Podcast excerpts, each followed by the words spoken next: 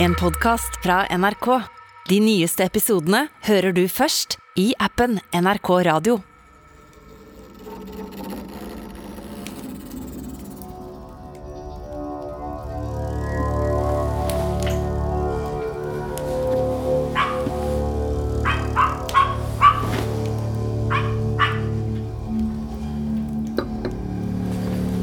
Det sitter tre unge kvinner i Håkonshallen i Bergen.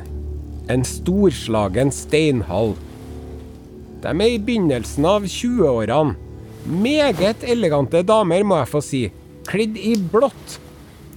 Blått er høyst moderne og mest for overklassen. De har broderte silkekjortler, lag på lag. Silke, brokade, gulltøy med hvit pelsforing og ringer og brosjer og smykker med edle stener innsatt. De er bra stilige, kan jeg fortelle deg. Det er den skotske prinsessa Margrethe og to av selskapsdamene hennes. Alle tre er vakre, men hun prinsesse Margrethe, hun er den vakreste.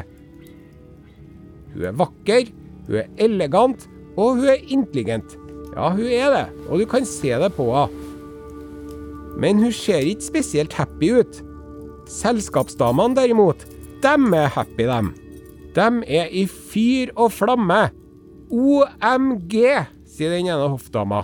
OMG, oh my god. Bare at hun sier det på engelsk, da. Oh my god, I just love a royal wedding. Hun andre hoffdama, hun skal ikke være noe dårligere. Ooh, I just love a royal wedding too. This is wonderful, magical. Ah, This is the wedding of the century, sier hun første hoffdama da. Men hovedpersonen, prinsessa, brura i det her magiske, fantastiske bryllupet, hun er ikke så engasjert og imponert. Hun er litt mer sånn Nja Men dere hoffdamene, som sagt, dem er on fire. Come on, Margaret dear, sier hun ena. Ja visst er det her bryllupet arrangert, men det er jo alle kongelige bryllup. Du må se på drikkebegeret som halvfullt. Og hun andre, Maggie darling, er ikke du spent? Snart skal du få møte, for aller første gang, brudgommen, kongen av Norge. The King of Norway. Men hun prinsesse Margrethe, hun er skeptisk, rett og slett. Nå sier hun det òg. Frankly, my dears, jeg er skeptisk. Og det har jeg vært hele tida. Jeg har hørt rykter om denne kongen. Jeg har en dårlig følelse. Come on, Margaret, sier begge hoffdamene i kor. Ikke vær festbrems nå. Herre blir så bra. Så banker det på døra. Inn kommer det en tjener med talglys i neven. Må være en sånn kjertesvenn, det der, da. Tjeneren kremte litt, og så han Ladies and ladies, I present the king of Norway, Erik the second Magnusson.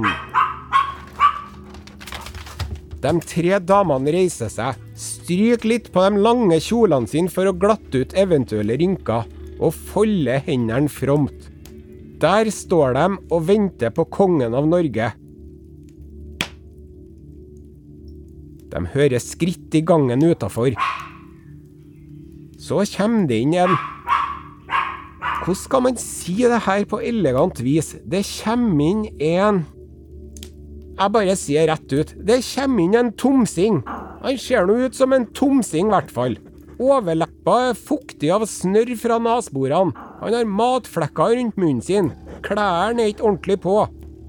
De hadde jo ikke buksesmekk på den tida her, men om de hadde hatt det, så hadde den vært åpen her. Tomsingen tramper inn i rommet, ser seg rundt, tørker seg under nesen med skjorteermet, og så sier han Hallo, jeg heter Eirik, jeg. Jeg er konge. Han er i stemmeskiftet, Tomsingen, for han er bare 13 år. Hoffdamene fniser nervøst til hverandre. What's he saying? Hallo, sier kongen. Jeg heter Eirik. Jeg er konge av Norge. Hallo, hallo. Lavt hvisker prinsesse Margrethe til venninnene sine. Hva var det jeg sa? Jeg visste at det kom til å bli gæli, men at det kom til å bli så gæli! Look at him! What a distasteful creature! Hæ?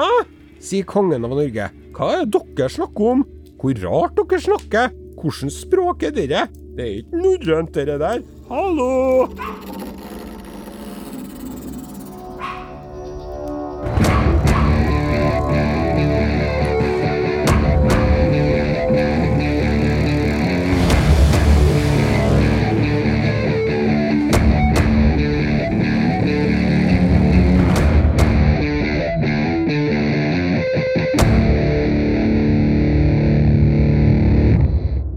Hører Kongerekka med Are Sende Osen, sesong tre. En podkastserie om de norske kongene. Episode sju. Eirik Magnusson. Kongen som ikke skjønte noen ting.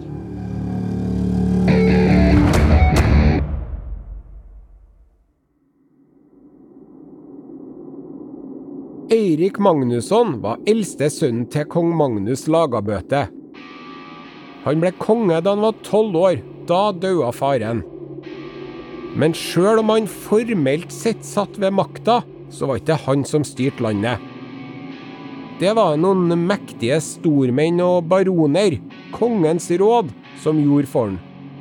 Og ikke minst mora hans, enkedronning Ingeborg. Kongens råd de lå i konstant konflikt med kirka. Samme gamle krangelen. Hvor mye skulle kirka bestemme, og hvor mye skulle kongen bestemme, og hvor mye eller lite skulle kirka betale kongen?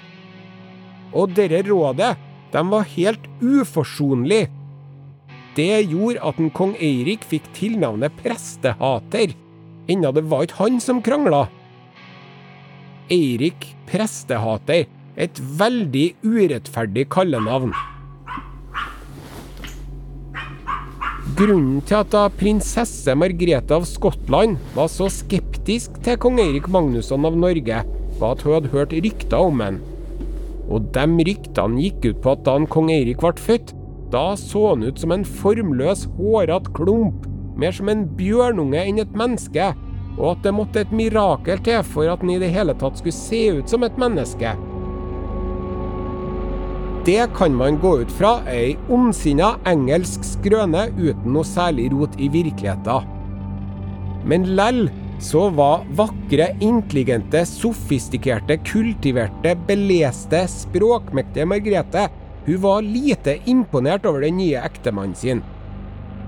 For det første så kunne han ikke å kle seg, og for det andre så eide han ikke mannerer, og for det tredje så hadde han ikke bordskikk, for det fjerde så kunne han verken snakke engelsk eller fransk. For det femte kunne han antageligvis ikke å lese engang.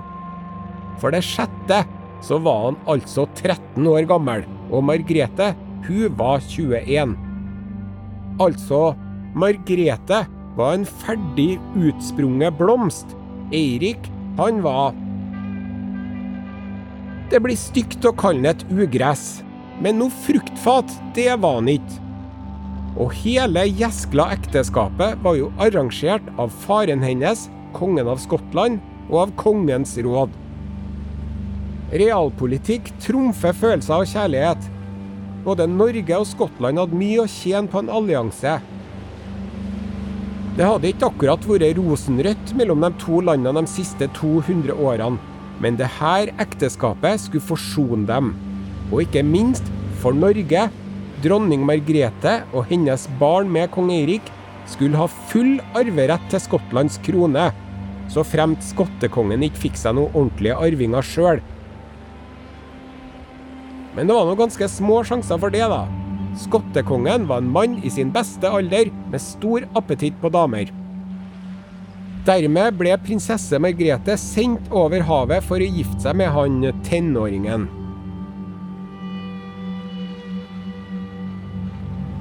Jeg skal innrømme at jeg var litt streng i starten da jeg sa at han hadde snørrspor under nesen. Det har ikke jeg noe belegg for å si. Og det er nok for stygt å kalle han tomsing. Kanskje var han kong Eirik helt grei. men jeg er veldig prega av en gammel engelsk krønike hvor de er skikkelig kjipe med han. Den krøniken der er det ingen som tar alvorlig lenger, men jeg klarer ikke å se for meg kong Eirik som noe drømmeprins. Nei, det gjør jeg bare ikke. Dronning Margrethe gjorde noe så godt hun kunne. Lærte han å kle seg, og lærte han å føre seg, og lærte han å te seg, og lærte han bordmanerer og fransk og engelsk, og må ha lært han en ting eller to i senga også. For ett og et halvt år etter at dronning Margrethe og kong Eirik gifta seg i Bergen, fikk de ei lita jente, en datter, som de også kalte Margrethe. Og rett etter det så døde nå dronning Margrethe. Stakkars. Dermed er hun ut av soga.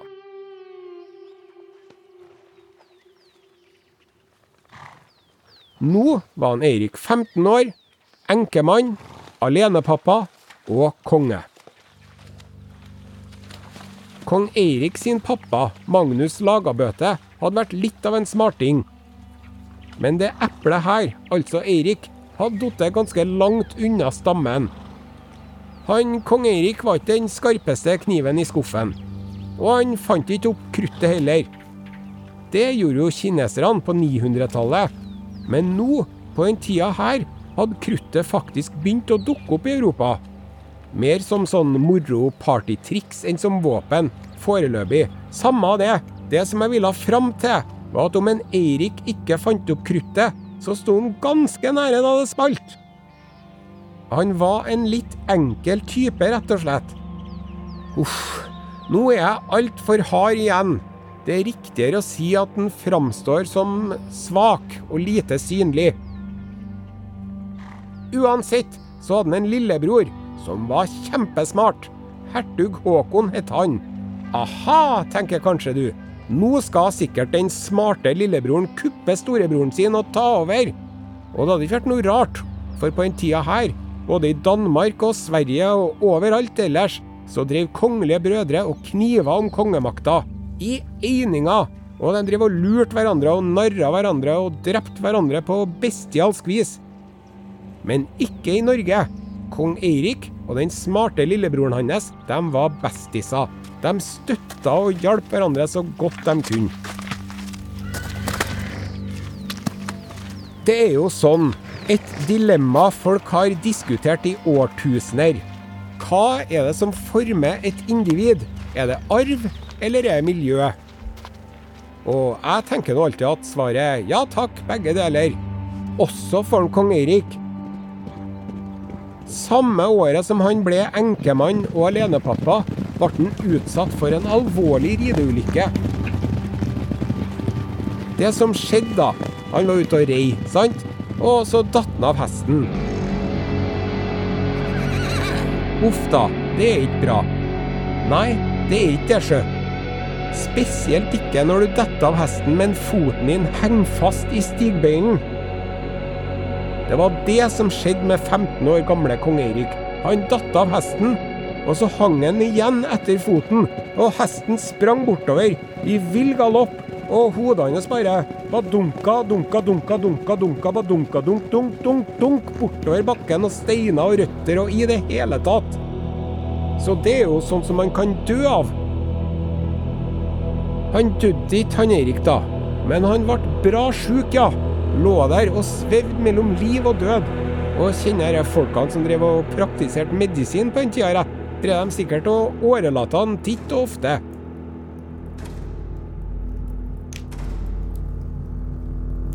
Unge kong Eirik lå bevisstløs lenge, men til slutt, årelatinga til tross, våkna han til live. Og det er dem som mener at han aldri ble helt bra igjen etter det der. At han pådro seg en hjerneskade og ble enda mer tomsatt enn han hadde vært i utgangspunktet. Kan godt være det, men i hvert fall. Han lå nå til sengs lenge, og ble sakte bedre. Og til slutt så ble han såpass frisk at da legen, etter å ha tappa en drøy halvliter av blod fra armene hans, foreslo at Hva tror du, herre konge, skal vi gå ut en tur? Trenger ikke å gå så langt, sjø. Bare ut i borggården her. Få litt frisk luft. Da sa han kong Eirik ja til det. veldig dårlig idé. Ikke riktig så dårlig idé som da president Abraham Lincoln sa 'fuck it, vi drar en tur i teatret'. Heller ikke riktig så dårlig idé som da Cæsar sa til kona si 'jeg stikker en tur i senatet, snakkes'. Ei heller så dårlig idé som da Eirik Jarl bestemte seg for å fjerne drøvelen. Så dårlig idé var det ikke, for alle de folkene her, de daua jo dem da de gjorde det de gjorde. Men lell, veldig dårlig idé. For da han stakkars kong Eirik kom ut i borggården i Bergen for å trekke litt frisk luft etter at han nesten hadde blitt drept av sin egen hest, vet du hva som skjedde da? Fanken, jeg får så vondt av han altså, stakkars fyr. Det gikk en tjener, sant, over borggården og leide på en hest.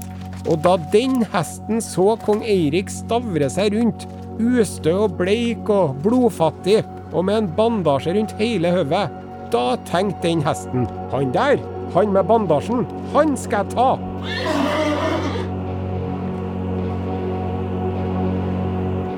Det er mye vi ikke vet om en kong Eirik. Vi vet ikke hvordan han så ut, annet enn at en upålitelig krønike sier at han som baby var en hårete, uformelig klump. Men det stoler vi som sagt ikke på. Vi vet ikke om han var lys eller mørk, høy eller kort, tykk eller tynn. Vi vet veldig lite om hva han sa, vi har ingen sitater. Men jeg skal fortelle deg det, at jeg vet veldig godt, jeg vet det, hva han stakkars Eirik sa da en svær hest plutselig storma mot den. Da sa han kong Eirik Magnusson, Gud hjelpe meg, nå skjer det igjen!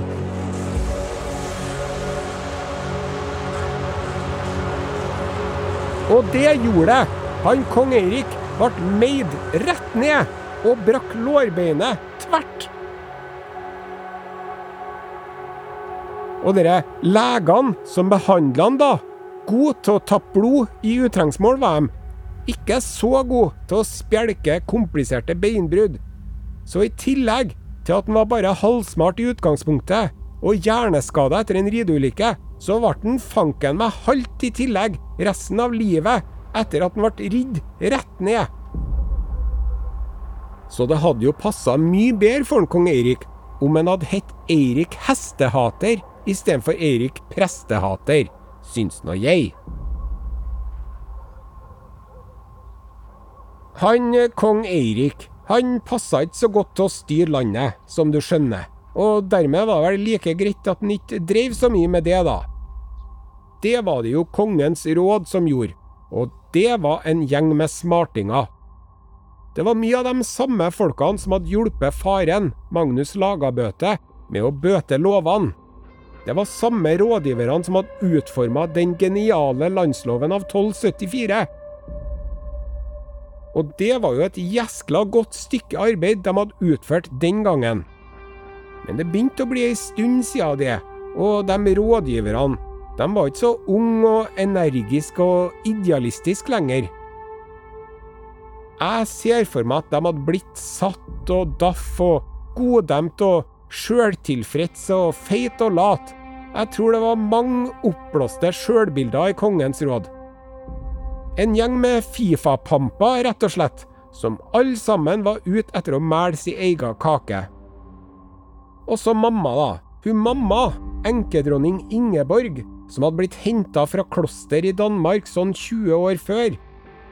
Hun hadde ikke glemt at hun egentlig eide store landeiendommer i Danmark, og dem skulle ha.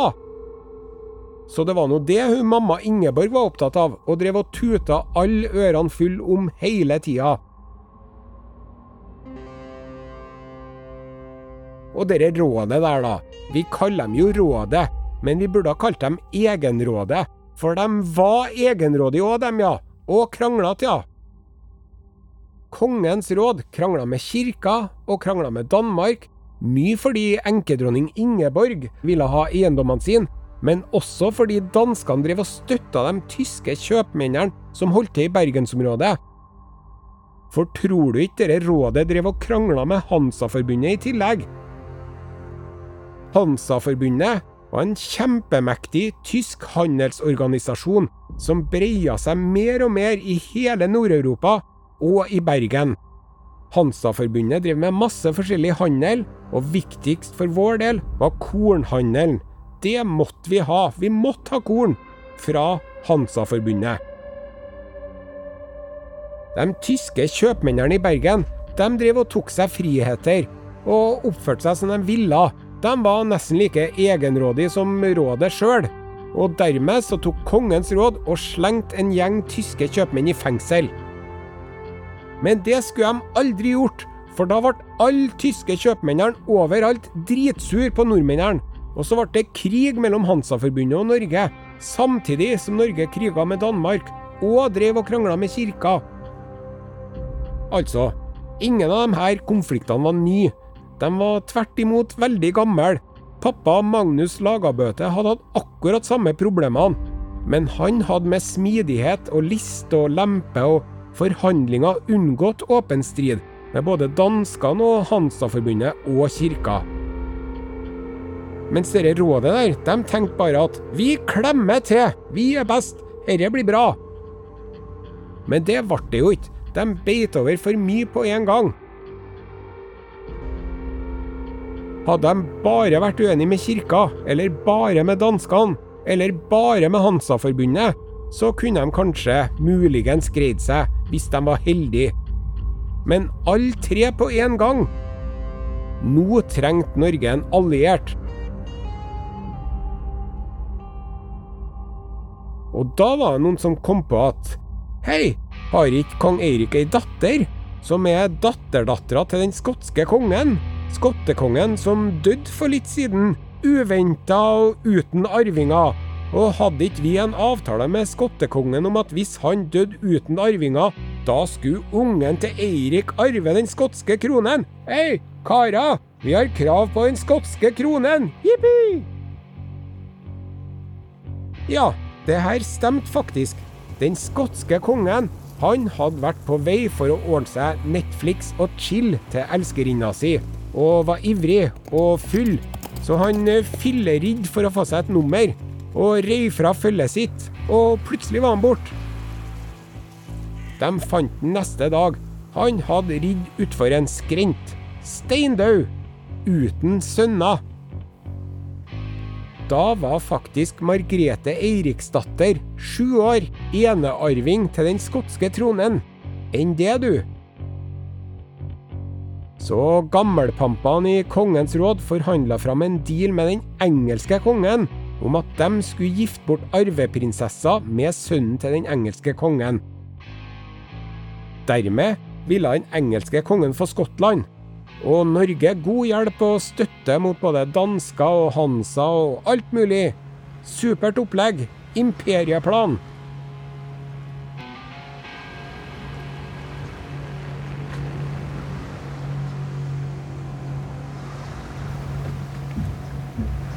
Så høsten 1290, da sendte de meg lille Margrethe til Skottland.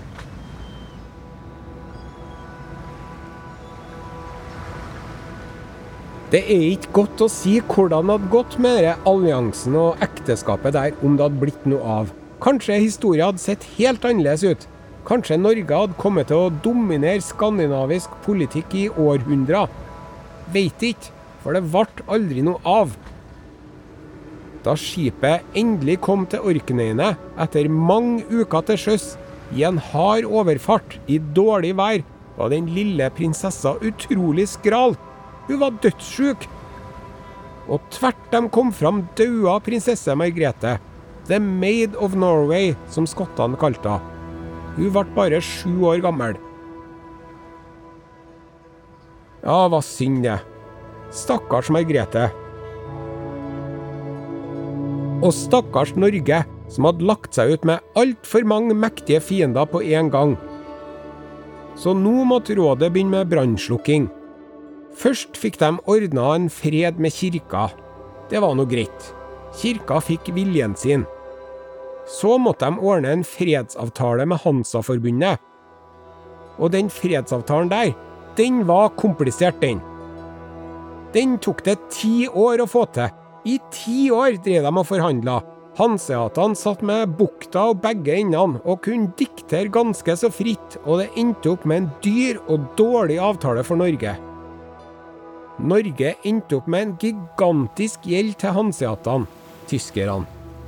Men så, da man bare hadde danskene å stri med, da tok vi nå dem, lett. Nå kom Norge til sin rett.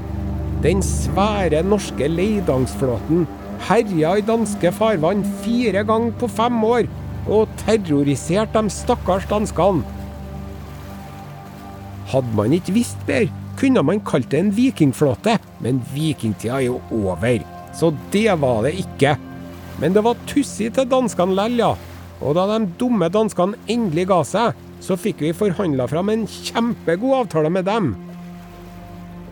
Så da kanskje man kunne få dekt litt av den enorme gjelda til tyskerne, med alle pengene danskene skyldte oss. I teorien ja, men i praksis nei. Desken! Danskene betalte ikke. De betalte aldri gjelda si, danskene. Han eh, kong Eirik og dem, rådet, de prøvde seg på at egentlig burde han Eirik bli konge av Skottland, arve dattera si.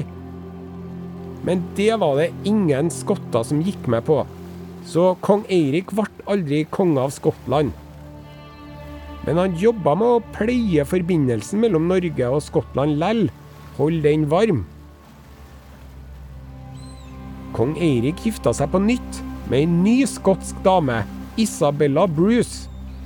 Hun Isabella var ikke riktig prinsesse, men ganske nære. Dattera til en av Skottlands mektigste menn. Og hun var søstera til kong Robert den første av Skottland. Han fra filmen Braveheart, vet du. Skottlands største konge gjennom tidene. Det som er artig, er at vi har oversikter over hva hun Isabella hadde i brudekista si da hun kom til Bergen i 1293. Hun hadde annet pakka fire luksusdrakter med over- og underkjoler og vester og kapper og det opplegget. En som var mørk brunrød, en som var blå, en skarlagensrød, laga av det mest luksuriøse og fancy ullstoffet du kan få tak i, og ei hvit kamelhårskappe. I tillegg tre sett med sengetøy, laken og dynetrekk og overmadrasser av purpur og gull og safrangult og grønt og gullforgylt og broderte franske liljer og egne gardiner til å henge rundt senga. Og enda mer klær av silke og gull og gulltøy og sølvtøy. 250 kilo med sølv, far.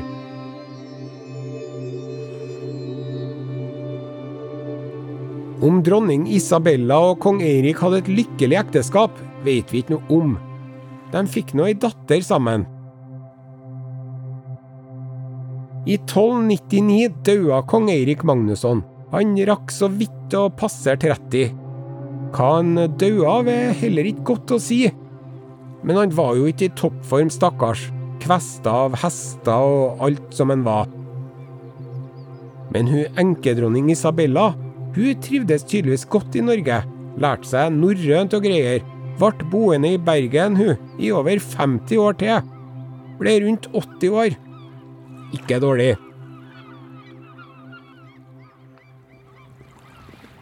Det er én ting som fremdeles står igjen etter kong Eirik Magnusson. Det er riksvåpenet vårt. Du vet den gulløven som står med en krone på hodet og øks i labbene. Den norske riksløven. Den fant formen mens Eirik var konge. Jeg lurer på om en kong Eirik kunne ha tenkt seg et annet riksvåpen. En haug med døde hester, f.eks., med en øks oppå der. Men det er bare jeg som fantaserer, altså. Uansett, det går unna i svingene her. Den forrige kongen, en av de beste og smarteste. Og så han her, ganske veik. Opp og ned og fram og tilbake. Den neste kongen, han er en skikkelig smarting. Smart lillebror. Men veit du hva? Winter is coming. Bokstavelig talt.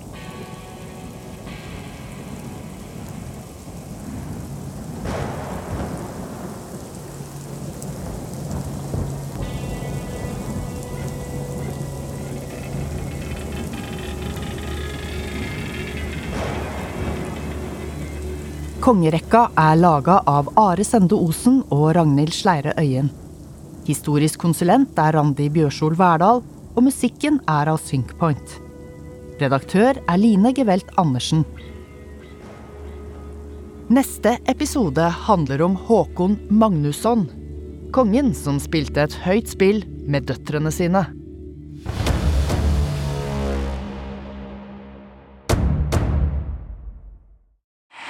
Du har hørt en podkast fra NRK. De nyeste episodene hører du først i appen NRK Radio.